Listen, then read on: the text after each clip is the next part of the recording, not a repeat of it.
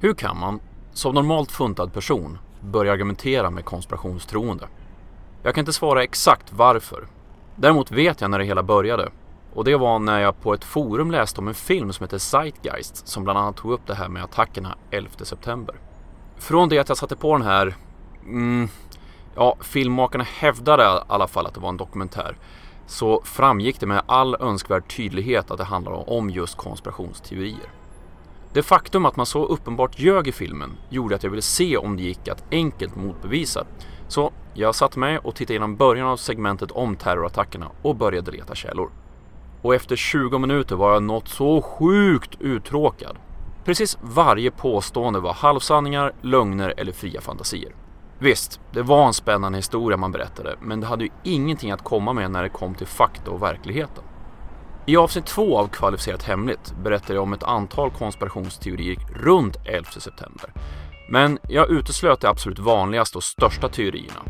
De omkring World Trade Center-tornen och byggnad 7. Nu är det alltså dags.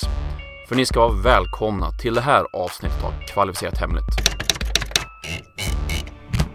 Om 11 september, World Trade Center-tornen och byggnad 7.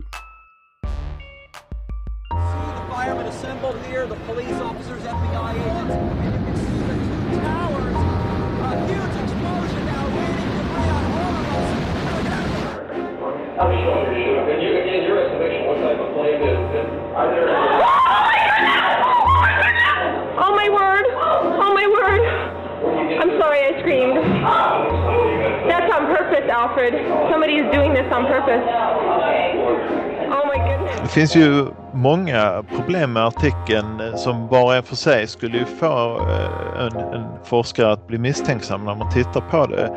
En sak till att börja med är ju själva eh, platsen för publikationen. Det är ju en, en eh, tidskrift som kallas för Bentham Open.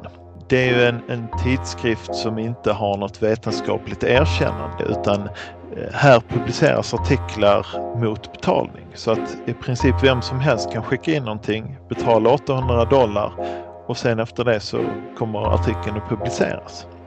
My argument is it needs to be investigated. There is another hypothesis here staring us in the face of explosive demolition. He was right. You did cause 9 11. Yes, quite simple to pull off, really. All I had to do was have explosives planted in the base of the towers. Then on 9 11, we pretended like four planes were being hijacked when really we just rerouted them to Pennsylvania, then flew two military jets in the World Trade Center filled with more explosives and shot down all the witnesses in Flight 93 with an F 15 after blowing up the Pentagon with a cruise missile. It was only the world's most intricate and flawlessly executed plan ever, ever. Really? För New York var de två World Trade Center-tornen lika ikoniska som Frihetsgudinnan. Två torn på över 400 meter tronade över södra Manhattan. Många är filmerna som har använt World Trade Center som blickpunkt. Allt från den halvnya versionen av King Kong, Woody Allens Manhattan, till John Carpenters Flykten från New York. Vad många inte visste om, åtminstone innan terrorattackerna 2001, är att de två tornen ingick i ett komplex på sju hus, där tornen byggdes först följt sen av de fem andra husen. 1965 påbörjades markförberedelserna och så 1968 började man arbeta med World Trade Center torn 1, följt av torn 2 i början av 1969. Tornen stod klara i början av 70-talet och följdes sen av de kringliggande byggnaderna. Och den sista byggnaden, byggnad 7, stod klar sist i maj 1987. I de två tornen så huserade försäkrings-, finans och IT-företag. Morgan Stanley, Fujibank, AON Corporation, Sun Microsystems. Och i byggnad 7 återfanns bank, IT och försäkringsföretag samt myndigheter. De två tornen var något av ett arkitektoniskt underverk på sin tid. För tidigare har man varit tvungen att ha stödjande pelare genom hela huset på varje våningsplan. Lösningen i de två World Trade Center-tornen var att man hade vad man kan kalla en tub i en tublösning. I den inre tuben hade man hisschakt, trappor, vatten, avlopp och så vidare. Det yttre skalet blev husets fasad med smala, höga fönster. De här två tuberna bands samman vid varje våningsplan av ett bjälklag och den här lösningen var både stark och samtidigt fjädrande. Något som behövdes med så pass stora huskroppar. Fördelen med den här designen blev att plötsligt hade de kolonner som tidigare burit upp huset och som återfinns över hela våningsplanet samlats i fasadstrukturen samt den inre kärnan, eller man kan kalla det så, tuben. Det här innebär mer yta att använda och att hyra ut. Men den här lösningen kommer också att bidra till byggnadernas kollaps. Det här ämnet, 11 september och konspirationsteorierna, kan man angripa på flera sätt. Jag skulle kunna berätta om de enskilda konspirationsidéerna och sen förklara varför de inte stämmer. Eller så skulle jag kunna försöka måla upp ett scenario kring alla dessa föreställningar och alternativa förklaringar. Men oavsett vad, jag tror det är bäst att vi börjar i verkligheten och vad som verkligen hände. Vi gör en tidsresa tillbaka till New York och morgonen den 11 september 2001. Tänk dig att du står i en korsning på södra Manhattan. Bredvid dig har du ett par brandmän som åkt ut för att undersöka rapporter om gaslukt vid den här platsen. I ryggen har du genomfartsleden Canal Street och rakt framför dig har du Church Street och du kan ana World Trade Center-tornen längre bort. Med brandmännen är ett filmteam som gör en dokumentär. Det är en klar septembermorgon, runt kvart i nio på morgonen, när plötsligt ljudet av flygmotorer snabbt ökar i volym.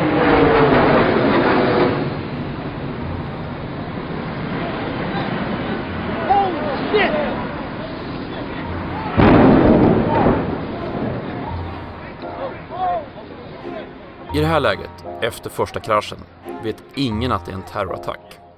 För nu handlar det bara om att rädda liv och egendom. Vi förflyttar oss lite. Vi befinner oss nedanför det nu brinnande World Trade Center 1, det norra tornet. En eh, tjeckisk man filmar upp mot det brinnande tornet och tror inte sina ögon. Klockan är strax efter nio och plötsligt hörs återigen ljud av flygplansmotorer som snabbt närmar sig.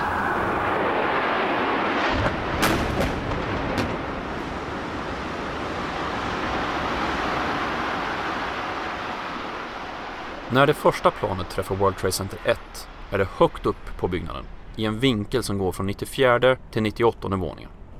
Det andra planet träffar torn 2 något lägre, från 78 till 84 våningen. Den här träffen är rätt långt ut mot tornets hörn och det ska visa sig viktigt för vad som händer sen. Båda planen flög fort när de träffade tornen. Man beräknar att första planet flög över 700 km i timmen och att det andra planet flög över 900 km i timmen. När planet träffar tornen så kapas ett stort antal kolumner i den tidigare beskrivna husens tuber, det vill säga fasaden och det inre bärande schaktet. Genom husen for en allt mer finfördelad storm av aluminium, hårdare delar som landningsställda motorer samt allt annat som flygplan består av. En del av de här detaljerna for vidare ut genom andra sidan av husen. Men en stor beståndsdel i flygplanen var också bränsle, något som kaparna hade tänkt på när de valde ut vilka flighter som skulle kapas. En del av det här bränslet försvann i den eldboll som uppstod i kraschögonblicket. Men en stor mängd blev kvar och bidrog till den kraftiga brand som uppstod. Eftersom planen klippt upp stora hål i fasaden fick elden tillgång till allt mer luft. Och i kontorslandskapen fanns mycket bränsle som såg till att bränderna fortsatte och fick temperaturen att klättra. En del av de anställda i tornen fångas på de övre våningarna ovanför kraschplatsen. I kontakt med räddningstjänst berättar de hur temperaturen är extremt hög, hur röken tar sig in överallt och att redan efter en halvtimme har våningsplan börjat falla samman. Well, there's no one here yet, and the floor is completely engulfed. We're on the floor and we can't breathe. And it's very, very, very hot. 56 minuter efter att ha träffats av flygplanet rasar så World Trade Center 2.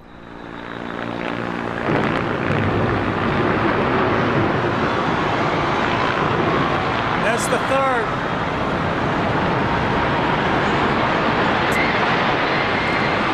Down it went.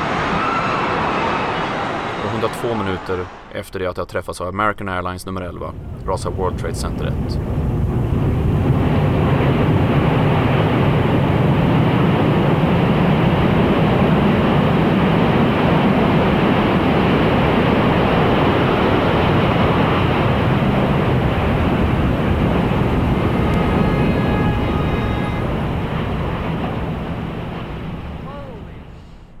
Kortfattat och enhetligt sätt beskriva motsvarande berättelse ur ett konspirationsperspektiv är ingenting som låter sig göras. För skulle jag försöka så skulle det kunna låta ungefär så här. 11 september-attackerna iscensattes av USAs regering. Sionisterna. Utomjordingar. Illuminati. för att Ta över världen. Invadera Irak. Tjäna pengar. Skaffa olja. attackerna utfördes genom att Flyga in plan. Flyga in drönare. Använda hologram som flyger in. Och tornen förstördes sen genom... Kärnvapen. Energivapen. Sprängmedel. Flygbomber. Sen doldes allt det här av... USAs regering. Sionisterna. Utomjordingar. Illuminati. För att... Ta över världen. Invadera Irak. Tjäna pengar. Skaffa olja.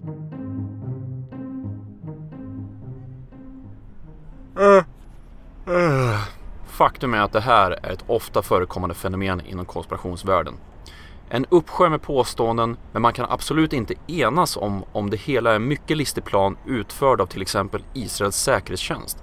Eller bara att USAs regering lät det hända, men att det under tiden är styrda av intergalaktiska rymdödlor.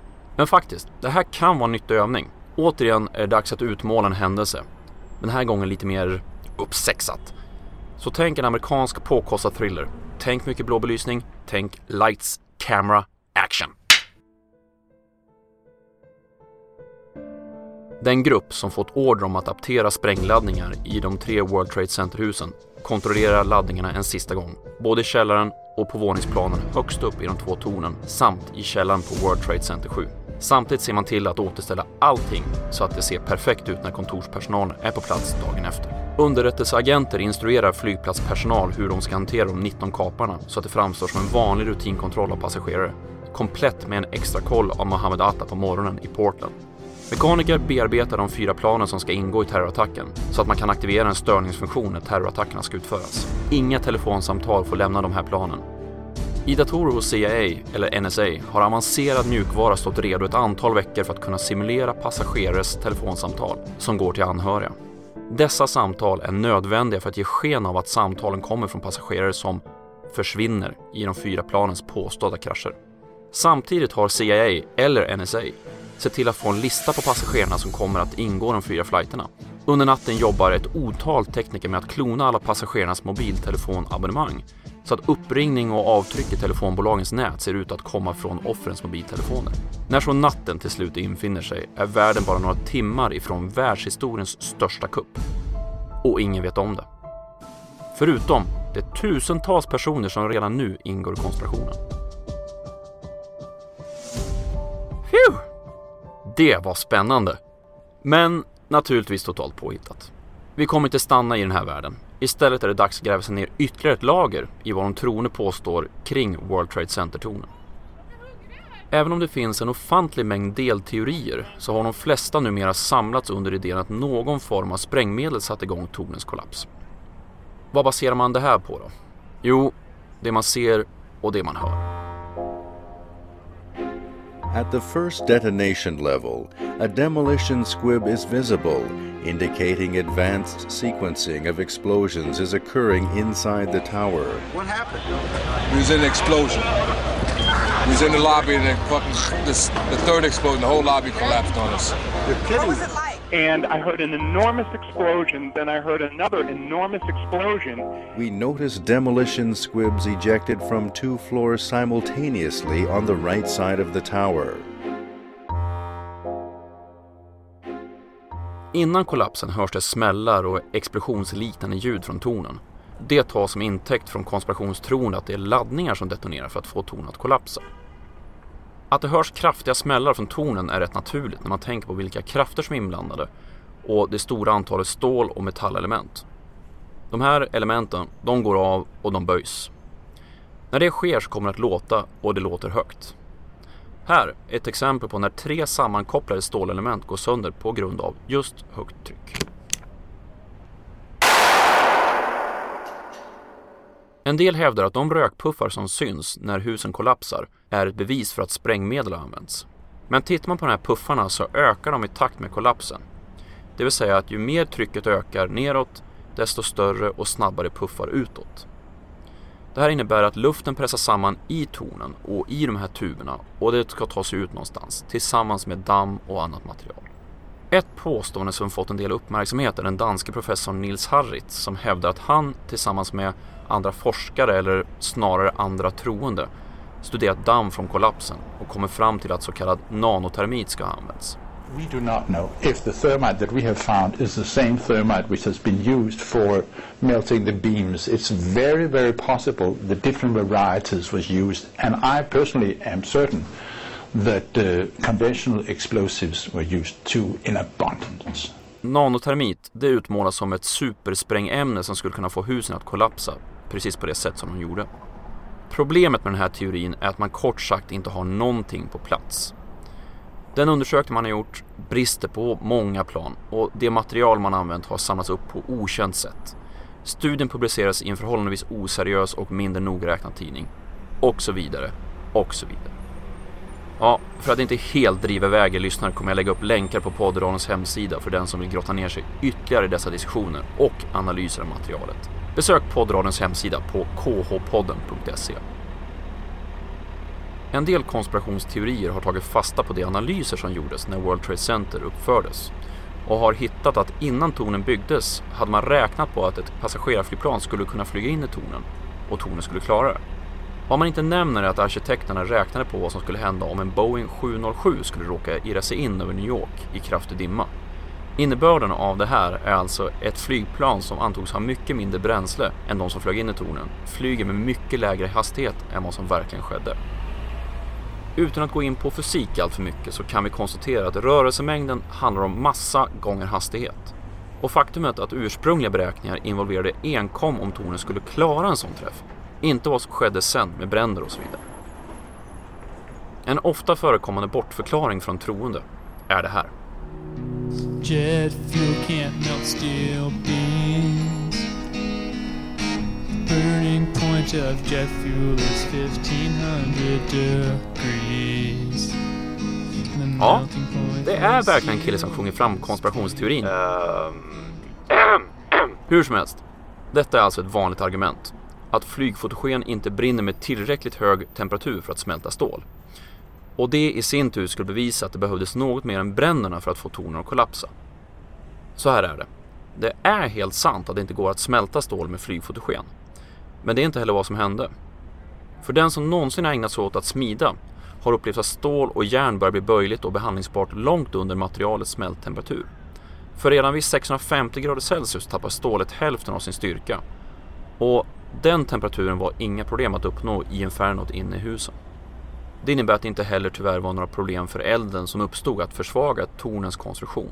En viktig pusselbit till försvagningen var att många metalldetaljer hade ett brandskyddande skum runt omkring sig. Men när flygplanen kraschade in i tornen slets det här skyddande skummet av. Där i sin tur ledde till att metallen värmdes upp väldigt snabbt till temperaturer där det tappade sin bäraktighet. Rakt vid gatan från Norra tornet, World Trade Center 1, låg byggnad 7. Den här byggnaden var den tredje kollapsen under den här tisdagen, men inte lika känd eller spektakulär som de två tornen. Istället var det ett hus som brann under 6-7 timmar och som var dömt att rasa tidigt under räddningsarbetet. Men istället för att konstatera det här så försöker konspirationstroende få oss att tro att det är något hemligt och mystiskt bakom kollapsen. Men eh, låt oss inte gå händelserna i förväg. Vi börjar med utgångsläget. Byggnad 7 var ett hus på 47 våningar med hyresgäster från finanssektorn, myndigheter och faktiskt underrättelsetjänst. Och det faktumet att underrättelsetjänsten överhuvudtaget fanns på plats kommer bli viktigt alldeles strax. Naturligtvis är World Trade Center 7 intressant för konspirationstroende. Varför lät myndigheterna det brinna? Varför hade amerikanska underrättelsetjänsten CIA ett kontor i byggnaden i hemlighet? Och hade inte en rik affärsman försäkrat byggnaden för stora belopp och stod att vinna mycket på att det förstördes? Huset såg ju inte ens skadat ut. Liksom med de två tornen är det här samma otydliga orsakssamband. Vi kan bara konstatera att det finns en teori om att någon ville få huset att kollapsa av någon orsak. Så låt oss nu titta på vad som verkligen orsakade husets kollaps. När de två tornen rasade spreds enorma mängder med rasmassor, betong, metall och annat material över en stor yta. Och nu är det viktigt att ni verkligen lyssnar och målar upp en bild för er själva. Tänk dig att du tittar rakt ner över World Trade Center-området. Mitt i den här bilden kan vi säga att de två tornen befinner sig diagonalt placerade med torn 1 placerat uppe i ditt vänstra hörn och torn 2 nere i ditt högra hörn. Och den ack så intressanta byggnad 7 är nu placerad rakt norröver från torn 1 sett. När nu torn 1 rasade så var det en ansenlig mängd rasmassor som dundrade in i byggnad 7s södra fasad. Håll nu det här i åtanke. Södra fasaden på byggnad 7 är skadad efter att torn 1 rasat. Vad som följer nu är att flera bränder tar vid i byggnaden. Bränder som alltmer försvagar byggnadens struktur. tack vare det stora område som påverkades av huskollapserna är vattentrycket obefintligt. Och det gör i sin tur att räddningsarbetet till slut anses vara över för byggnaden. Brandmännen kan alltså inte göra sitt jobb. Runt klockan halv fyra bestämmer sig ansvariga för att dra tillbaka sin insats. Och det här är ytterligare en sak som är viktigt att ni kommer ihåg, för det kommer ha betydelse senare. Vid klockan 20 över 5 kan man se att taket på byggnad 7 börjar ge vika. En struktur på taket faller inåt, strax följt av resten av huset.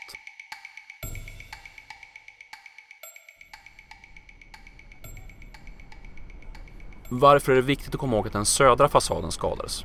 Jo, därför att i stort sett alla bilder som konspirationstroende visar från byggnad 7 är från husets norra fasad. Alltså den som vetter bort från kollapsen. Den var inte skadad och inte heller syntes några större bränder från den delen. Men om ni går in på poddradions hemsida, khpodden.se, så kan ni se exakt hur skadad byggnaden blev och brändernas framfart genom byggnaden. Efter analyser, tester och simuleringar konstaterar ansvariga myndigheter att byggnaden kollapsade på grund av framförallt branden som fick hålla på i 6-7 timmar. Den förklaringen köps inte av de som tror att fulspel ligger bakom husets kollaps. Något annat måste ligga bakom. Till och med CIA fanns ju i huset. Och som jag pratade om i förra programmet i den här serien framträder nu antisemitismen och är något mer förtäckt än i tidigare exempel. För troende gör en stor sak att ägaren till World Trade Center var av judisk börd. Och den förtäckta innebörden av det här är ju att han skulle styras av sionistiska intressen av någon anledning. Ägaren, Larry Silverstein, hade också försäkrat de två tornen och andra byggnader för stora pengar enligt vissa. Enligt dessa vissa skulle han kunna utkassera stora summor om huset förstördes. Men om man tittar på totalkostnaden, bortsett från den mänskliga tragedin, så var 11 september en dyr affär för Larry Silverstein. Han eh, förlorade tvister mot försäkringsbolag och har bland annat tvingats betala fortsatt hyra för marken där de två tornen stod. Dessutom ska Silverstein ha försagt sig i en dokumentär. I said, you know, we've had such terrible loss of life. Maybe the smartest thing to do is, is pull it. Uh, and they made that decision to pull, and then we watched the building collapse. Där har ni den där termen ni skulle komma ihåg igen. För de troende hävdar att pull it, det vill säga dra det, skulle vara slang för att spränga huset. Problemet är att branschfolk som sysslar med att demolera hus känner inte igen den här termen för sprängning. Istället används den för att beskriva hur man drar ner hus för att få en säker kollaps. Någonting som uppenbarligen inte skedde med byggnad 7. Larry Silverstein, ägaren till World Trade Center, har upprepade gånger förklarat att han menade att uttrycket innebar att dra tillbaka räddningsinsatsen och ingenting annat. Mm. Trots att det har tagit sin lilla tid så är det intet mot mängden detaljer och alternativa teorier där ute som försöker hitta en minimal vinkling som ännu inte förklarats. För det är precis så varje konspirationsteori fungerar. De troende jagar efter enskilda detaljer som tycks vara en ovanlig händelse eller en detalj som inte förklaras av myndigheter eller vetenskapen. Men nu kommer den lätt smutsiga men ändå kittlande sanningen. Även om, och jag upprepar, även om konspirationstroende skulle kunna visa att man inte kan förklara en detalj eller ett skeende innebär det ju verkligen inte att det omvända är sant. Det vill säga att konspirationsteorin skulle vara sann eller bevisad. Så, ska ni ta med er någonting från det här avsnittet är det följande. Bara för att man inte kan förklara ett skeende eller detalj innebär det inte per automatik att konspirationsteorin är sann. Hörrni, det här var ett program om World Trade Center-tornen och byggnad 7. I nästa program i den här serien om 11 september-attackerna kommer jag fokusera på United 93 och flygplanet som flög in i Pentagon. Och skulle ni vilja gräva ner er i detaljer, bilder och videoklipp så finns allting samlat på hemsidan. Du har lyssnat på Kvalificerat Hemligt, en poddradio om konspirationsteorier och vetenskap. Länkar till musiken, videoklipp och annat som nämns i programmet återfinns på programmets hemsida, khpodden.se. Jag heter C. Åkerberg och tack för att du har lyssnat.